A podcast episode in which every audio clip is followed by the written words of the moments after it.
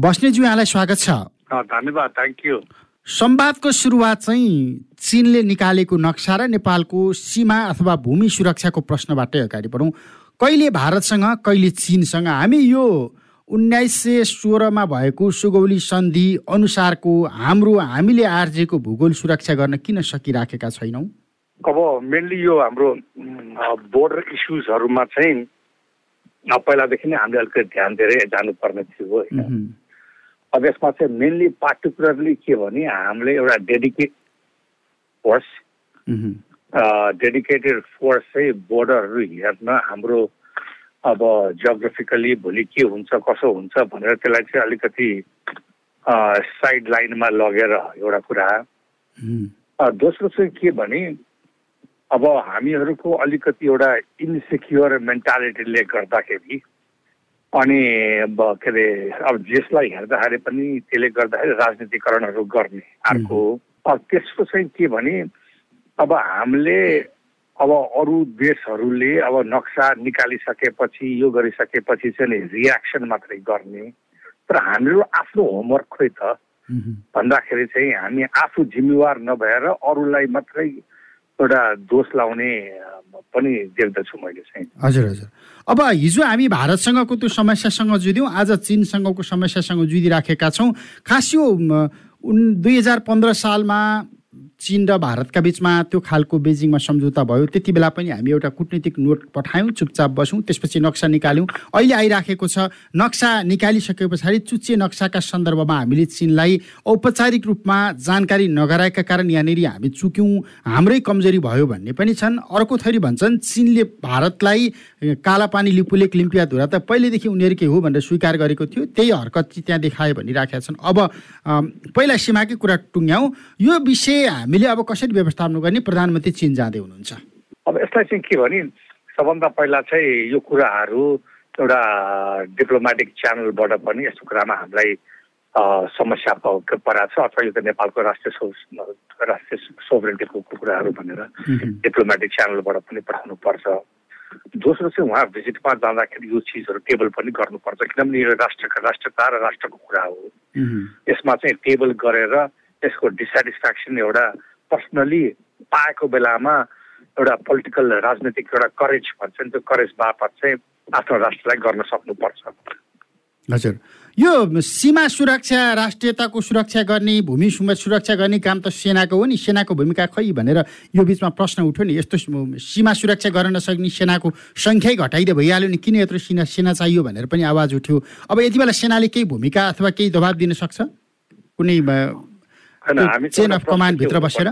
हामी चाहिँ प्रश्न के हुनुपर्छ भने बोर्डर सुरक्षा भनेको चाहिँ अल्टिमेटली सेनाको जिम्मेवारीमा चाहिँ आउने हो होइन। तर डे टु डे वर्कमा छ डे टु डेको काममा चाहिँ त्यो चाहिँ हाम्रो होम मिनिस्ट्री गृह मन्त्रालयको अन्तर्गत गृह मन्त्रालयको फौजहरूले चाहिँ हेर्ने हो। यसमा त सिर्फ के छ भने मैले पहिलादेखि नै डिबेट गरिरहेको छु होइन? बोर्डर सेक्युरिटी भनेर चाहिँ हामीलाई सेपरेट फोर्स चाहिन्छ कि? एउटै फोर्सलाई चाहिँ तिन चारवटा टास्किङहरू गरेर हुँदैन ताकि त्यो फोर्स फेरि अहिलेको यो जुन अब भू राजनीतिक अवस्थाहरूको परिवर्तन छ त्यसले गर्दाखेरि चाहिँ के भने अब हाम्रा मित्र राष्ट्रहरू दुवैतिर चिन र भारतको एक हिसाबबाट भनौँ न एउटा सम्झौता एउटा किसिमबाट ऊ पनि छ भने एउटा कन्फ्लिक्ट पनि भइरहेकै छ।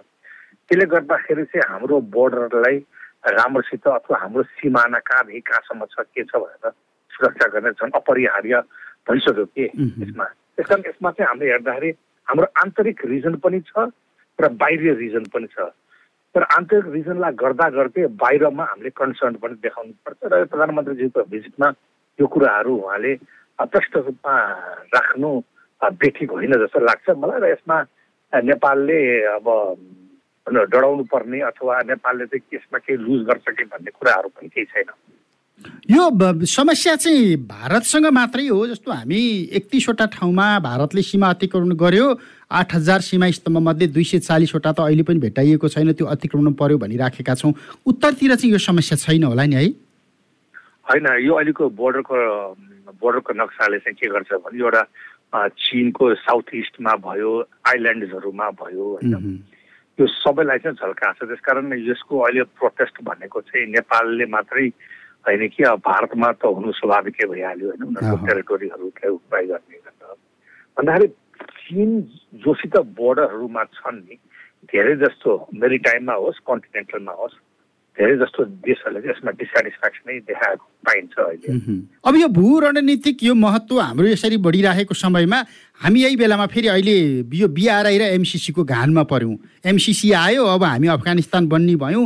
अब यहाँ अमेरिका र चिनको अनि भारतको त्रिपक्षीय द्वन्द्व हुने भयो भनिराखिएको छ नि। अब यसमा यो बिचमा आइराखेको एमसिसीलाई अथवा एमसिसी परियोजनालाई चाहिँ कसरी लिनुहुन्छ? अब एमसिसी परियोजनालाई चाहिँ हामीले नेपालमा भनौँ न अलिकति डिसइन्फर्मेसन मिसइन्फर्मेसन पनि भएको पाउँछु म चाहिँ। मेनली चाहिँ एमसिसीले दुई हजार चारदेखि चाहिँ जुन सुरु भएदेखि कहाँ कहाँ कस्तो कस्तो किसिमको कामहरू गरिरहेछ भनेर पनि हामीले मूल्याङ्कन गर्नुपर्छ। र जुन किसिमको म त्यो नेपालको सम्बन्धीमा पनि आउँला जुन किसिमको भनौँ यसले चाहिँ जम्मा तेत्तिसवटा देशमा झन्डै त्रिचालिसवटा प्रोजेक्ट्सहरू अथवा कम्प्याक्ट भन्छ नि प्रोजेक्ट्सहरू गरिरहेको छन्। अब यो गरिरहेकोमा चाहिँ झन्डैले असी प्रतिशतको यिनीहरूको सफलता छ। कोही चाहिँ यिनीहरूले कोही कोही उसमा चाहिँ अलिकति पाँच वर्षमा नसिद्धाएर एक्सटेन्ड गर्नुपर्ने अवस्था यो कोभिडले गर्दाखेरि पनि भएको पाइन्छ। है। तर अब यसमा चाहिँ अब नेपालको सन्दर्भमा हामीले हेऱ्यौँ भने चाहिँ दक्षिण एसियामा हामीले तुलना गर्न सक्ने चाहिँ श्रीलङ्का र नेपाललाई त श्रीलङ्काले लिएन नेपालले लियो। भन्दाखेरि नेपालले किन लियो श्रीलङ्काले किन लिएन भन्ने कुराहरू पनि विभिन्न उसमा ऊ गर्नहरू पनि आइरहेको थियो है। तर मलाई जहाँसम्म लाग्छ एउटा सुरुमा चाहिँ यो एउटा secretary of state South Asia हेर्नेले आएर चाहिँ उहाँले के भन्नुभयो अमेरिकनले त्यो चाहिँ इन्डो पेसिफिक स्ट्राटेजी अनुसार पर्छ भनेर पनि भनिदिनु भयो त्यसले गर्दाखेरि झन् कन्ट्रोभर्सी आयो। तर मेनली कुरा क्लियरली के छ भने इन्डिया युएस एम्बेसीले चाहिँ जुन निकालेको छ नि एउटा दस बुधे त्यसमा चाहिँ एउटा आठौँ बुदामा चाहिँ जुन नेपालमा कन्सर्नका कुराहरू थिए एमसिसी नेपाल कम्प्याक्ट चाहिँ कुनै पनि यसमा सैनिक सम्बन्ध छैन। र अर्को चाहिँ नौ नौ नम्बरमा चाहिँ के छ भने यो चाहिँ इन्डो पेसिफिक स्ट्राटेजीको उसमा पर्दा पनि पर्दैन। भनेर उनीहरूले विज्ञप्ति नै निकालेको छ। होइन त्यो अथेन्टिक डकुमेन्ट्सहरू हो। तर मेनली चाहिँ नेपाल लाई चाहिँ के के किसिममा यसले हिट गर्छ त? भन्दाखेरि चाहिँ एउटा चाहिँ इकोनोमिक फ्याक्टरलाई हेर्नुपर्छ कि। इकोनोमिक फ्याक्टरमा त एउटा विदेशी पैसाहरू पनि त नेपालमा भित्रिने एउटा बाटो पनि भयो होइन। दोस्रो चाहिँ अब हामीहरूको रिसोर्सेस भनेको हाम्रो इलेक्ट्रिसिटी नै भयो। इलेक्ट्रिसिटीमा पनि यसले ध्यान दिएको छ। त्यसको चाहिँ के भने हाम्रो इन्फ्रास्ट्रक्चर बाटोहरू बनाउने त्यस्ता पनि छ। भन्दाखेरि मलाई जहाँसम्म लाग्छ जुन किसिमको अहिले नेपालमा चाहिँ यो अमेरिकन सेनाहरू आउँछ भन्ने कुरा यो कुनै पनि सत्यता छैन। नम्बर दुई चाहिँ यो चाहिँ अमेरिकनले चाहिँ अब आफ्नो उसमा उ गरेर त्यो गर्छ भनेर चाहिँ उ गरेको कुरा पनि यसमा कुनै सत्यता छैन। अब हामीले चाहिँ यसलाई चाहिँ के भने अब अर्को अब अब अहिले सुरुवात हुनलाई चाहिँ इम्प्लिमेन्ट हुन अब सबै रेडी भयो। त्यो हिसाबले यो प्रोजेक्टहरू जब बन्दै जाँदाखेरि यो प्रोजेक्टले नै यो नेपालको हितको लागि नेपाली जनताको लागि भनेर कम्फोर्ट पनि हुँदो रहेछ र राष्ट्रको इकोनोमीलाई पनि असर राम्रो गर्दो रहेछ भन्ने हिसाबमा छ। र अर्को मुख्य कुरा चाहिँ के भने यो जुन तेत्तिसवटा देश छ नि जस्तो मङ्गोलियालाई हेऱ्यो भने इन्डोनेसियालाई हेऱ्यो भने र अफ्रिकन कन्ट्रिजमा हेऱ्यो भने यिनीहरूले एकचोटि होइन तिनचोटि चारचोटिसम्म पनि यो कम्प्याक्ट लिएर आफ्नो राष्ट्रिय डेभलपमेन्टको उसमा चाहिँ प्रयोग पनि गरिरहेको पाइन्छ। भन्दा अहिले सुरुको चरणमा पहिलो फेजको लागि त्यो जोखिम नभए पनि भोलिका दिनमा हुन सक्ने सम्भावित दोस्रो तेस्रो फेजको जोखिमका कुराहरू चाहिँ उठाइएको हो कि? होइन मेन चाहिँ कस्तो भने अब यो दोस्रो तेस्रोमा जुन राष्ट्रहरू गएको छन् उनीहरूले चाहिँ आफ्नो राष्ट्रिय डेभलपमेन्ट प्रोग्राम छ नि। त्यो राष्ट्रिय डेभलपमेन्ट प्रोग्राममा यो ग्रान्ट भने यो त हन्ड्रेड पर्सेन्ट ग्रान्ट पैसा पनि हो नि यो अमेरिकनको उसबाट दिने अब त्यसलाई चाहिँ कसरी चाहिँ यो चिजलाई अगाडि लिएर बढाएर लान जाने भन्ने कुराहरू पनि त्यसमाहरू गर्न आउँछन् यो।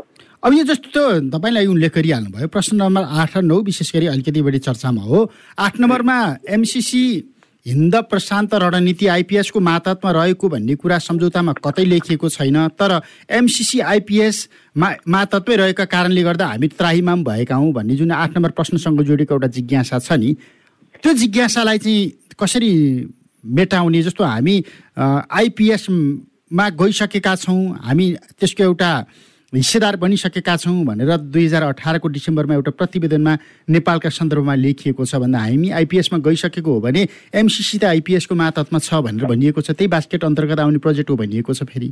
छैन। यसमा चाहिँ त्यो बेलामा अलिकति मिसअन्डरस्ट्यान्डिङ भएर नै यो कुराहरू आइपिएसको कुराहरू उठेको हो।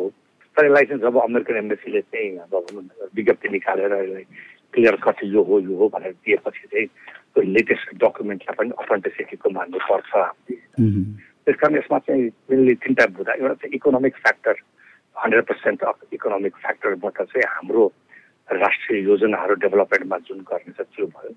दोस्रो यो नन मिलिटरी नै हो।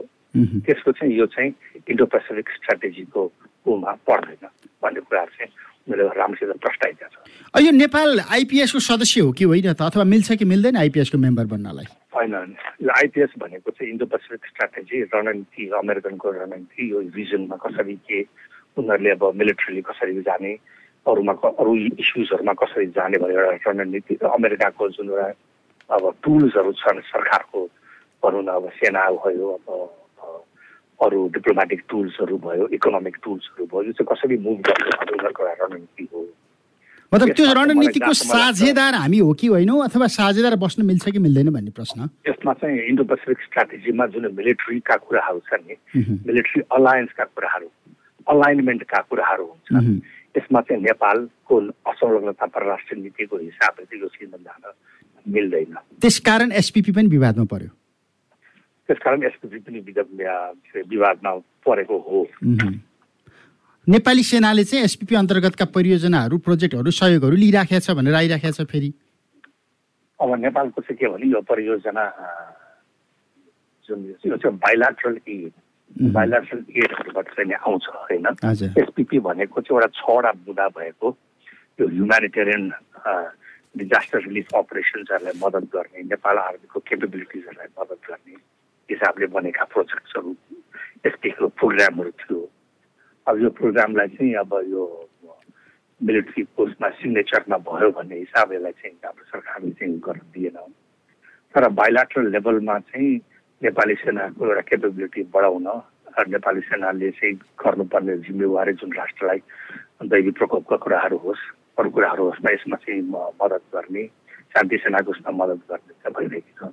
हजुर अब यो एक खालको बुझाइ चाहिँ के छ भन्दा अहिले हामी बिआरआईका विरुद्धमा चाहिँ यो एमसिसी अथवा आइपिएस खडा गरिएको त्यसकारण यो दुवैको एउटा निशानामा हामी परिराखेका छौँ। दुवैले हामीलाई प्रयोग गर्न खोजिराखेका छन् र छिमेकी मुलुकका विरुद्धमा नेपालको भूमि प्रयोग हुन थाल्यो।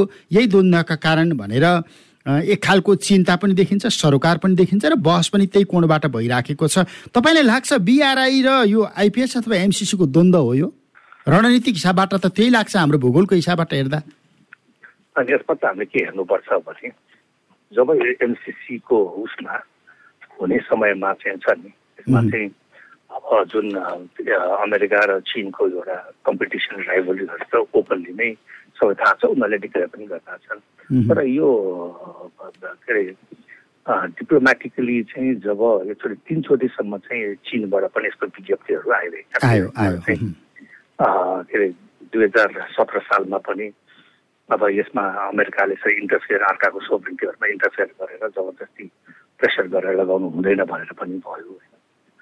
अनि अर्को चाहिँ अब दोस्रो चोटि भने यो कोअर्सिभ डिप्लोमेसीमा पनि हुँदैन भनेर आयो। भन्दाखेरि चाहिँ हामीले जब एमसिसी प्रोजेक्ट अमेरिकनले एड दिने प्रोजेक्टमा चाइनाको कन्सर्न हुन्छ भने चाहिँ किन भयो भन्ने हिसाबमा लिनुपर्छ र अर्को चाहिँ बिआरआईमा पनि बिआरआईले चाहिँ तिमीहरूलाई अब यो के अरे अब डेप्थ ट्र्यापरमा पार्छ। अनि यसमा पर्छ भनेर भन्दाखेरि चाहिँ यो कुराहरूलाई हामीले चाहिँ यो पावर राइभलरीको पनि एउटा नेपालमा छ है भन्ने लिनुपर्छ। मतलब बिआरआईको आशंका ऋणको पासोमा भनिराखेका छौँ। प्रधानमन्त्री जाँदै गर्दा बिआरआईका प्रोजेक्टहरू के के हुन् भनेर एउटा लिस्टिङ भइराखेको छ। अब चाहिँ सम्झौता कार्यान्वयनको सम्झौतामा हामी जान्छौँ भन्दा चिनले पोखरा विमानस्थल बनि नै सक्यो। बिआरआई अन्तर्गत भनिसकेका छ। भन्दा बिआरआईको लगानीका सन्दर्भमा पनि प्रश्नहरू धेरै उठे। एमसिसीको यो अनुदानका सन्दर्भमा पनि यति धेरै प्रश्न उठे। तर हामीले हाम्रो राष्ट्रिय प्राथमिकता अथवा आवश्यकताका सन्दर्भमा चाहिँ कहिले पनि बहस गरेनौँ। बहस सधैँ छिमेकीले के के गरिराखेका छन् हामीलाई के भइराखेको छ भन्ने हिसाबबाट मात्रै गऱ्यौँ। राष्ट्रिय आवश्यकता र बहस चाहिँ के के हुनु पर्थ्यो यति बेला? अब मेनली चाहिँ बिआरआईबाट चाहिँ जुन पहिला हाम्रो प्रधानमन्त्री शेरबहादुर देवा हुँदाखेरि पनि उहाँले एकचोटि यसमा ग्रान्टमा हुने चिजहरू चाहिँ हामीले लिनुपर्छ भनेर भन्दाखेरि चाहिँ दुईवटा कुरा महत्त्वपूर्ण छ। एउटा चाहिँ हाम्रो राष्ट्रको ओभरअल राष्ट्रिय डेभलपमेन्ट प्रोग्राममा इन्फ्रास्ट्रक्चरमा कहाँ कहाँले गर्दाखेरि र कसरी त्यसलाई चाहिँ पूर्ति गर्न सकिन्छ भने त्यसलाई हेर्नुपर्छ अनि दोस्रो चाहिँ अनि मित्र राष्ट्र जसले चाहिँ उनीहरूको आफ्नो पोलिसी अथवा कन्सेप्ट अथवा रणनीति अनुसार उनीहरूले डेभलपमेन्ट गर्न खोज्छ। त्यो डेभलपमेन्टमा चाहिँ हामीलाई यो सालमा यो यो सालमा यो यो सालमा यो गरिदियो भने चाहिँ हामीले पनि त म्यानेज गर्नु पऱ्यो हामीले पनि मेन्टेन गर्नुपर्ने हुन्छ बनिसकेपछि। भन्ने हिसाबले गयो भने चाहिँ यो एउटा सौहार्द पर्ने हुन्छ है? र अर्को चाहिँ हामीलाई चाहिने आवश्यकता अनुसार पनि हुन्छ।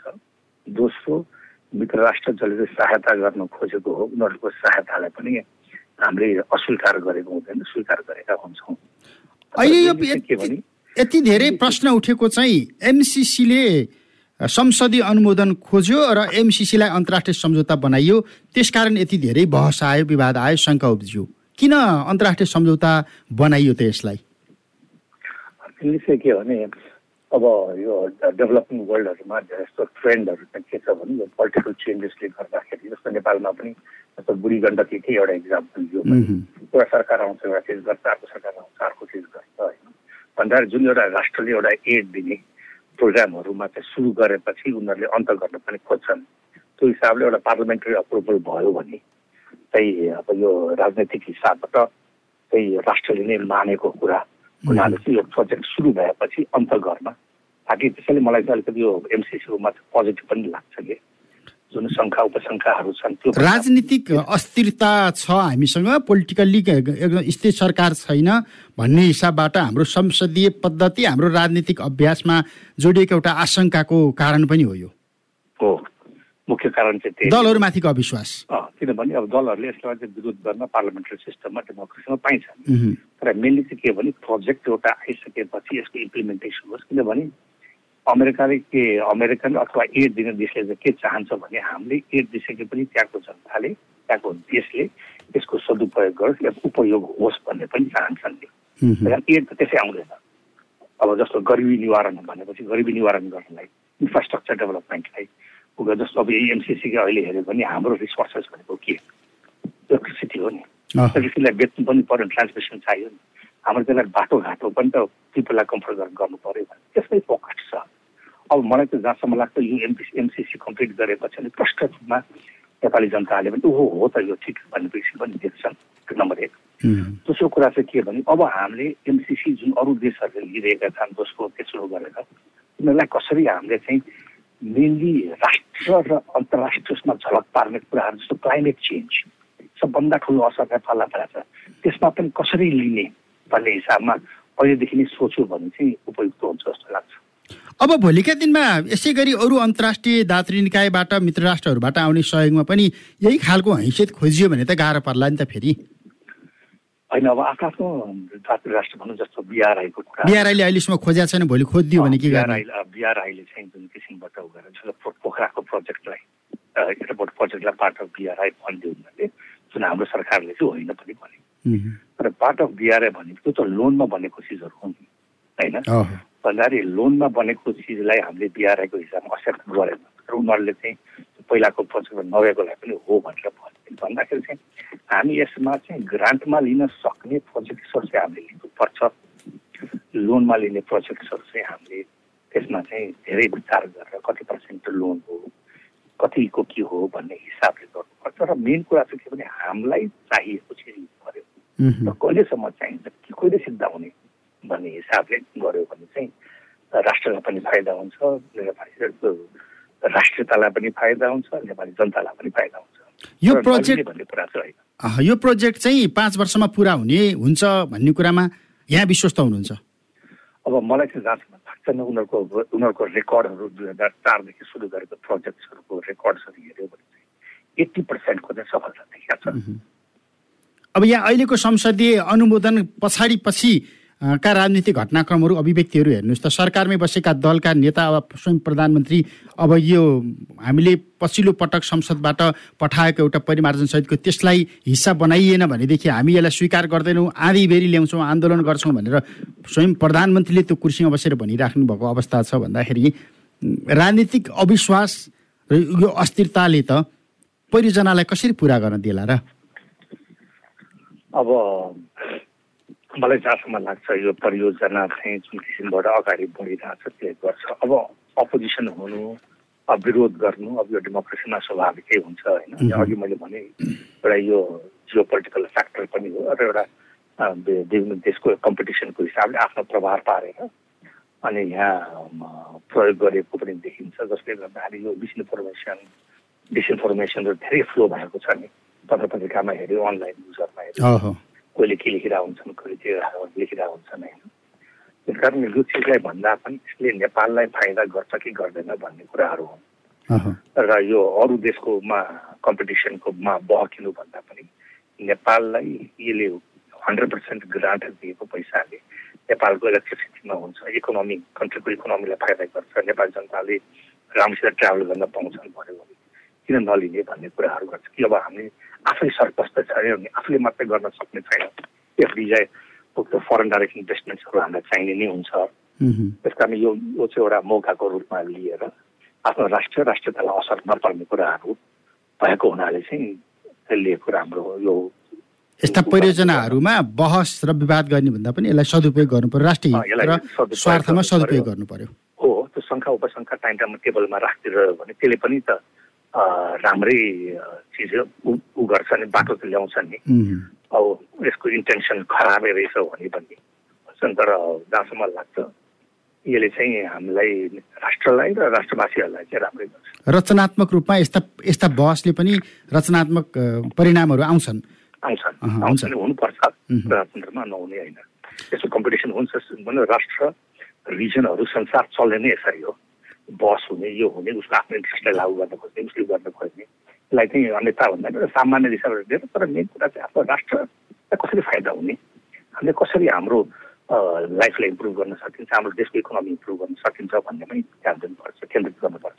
रणनीतिक हिसाबबाट त हामी मैदान त मैदानै हो नि त होइन र? यतातिर चिन छ एकातिर अमेरिका भारत छन् त्यस हिसाबबाट हामीले हाम्रो राष्ट्रिय स्वार्थलाई हेर्न सकेनौँ भने त मैदान त मैदान नै हो नि त फेरि।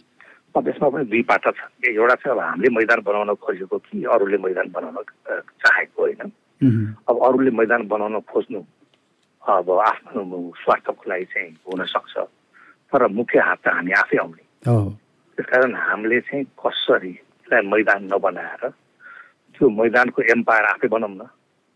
विदेशीलाई नराखौँ। होइन आफै बनाऊँ विदेशीको इन्फ्लुएन्स भन्दा नि विदेशीलाई कसले चाहिँ जुन किसिमको उनीहरूले दिन सक्ने चिजहरू छ त्यसलाई कसरी सब सहयोग भनेर चाहिँ त्यो खेल मैदानको अम्पायर आफै भनेर आफैले चाहिँ अनि एकदम नियम अनुसार राष्ट्रिय नियम अनुसार ऊ अनुसार चलाउनु।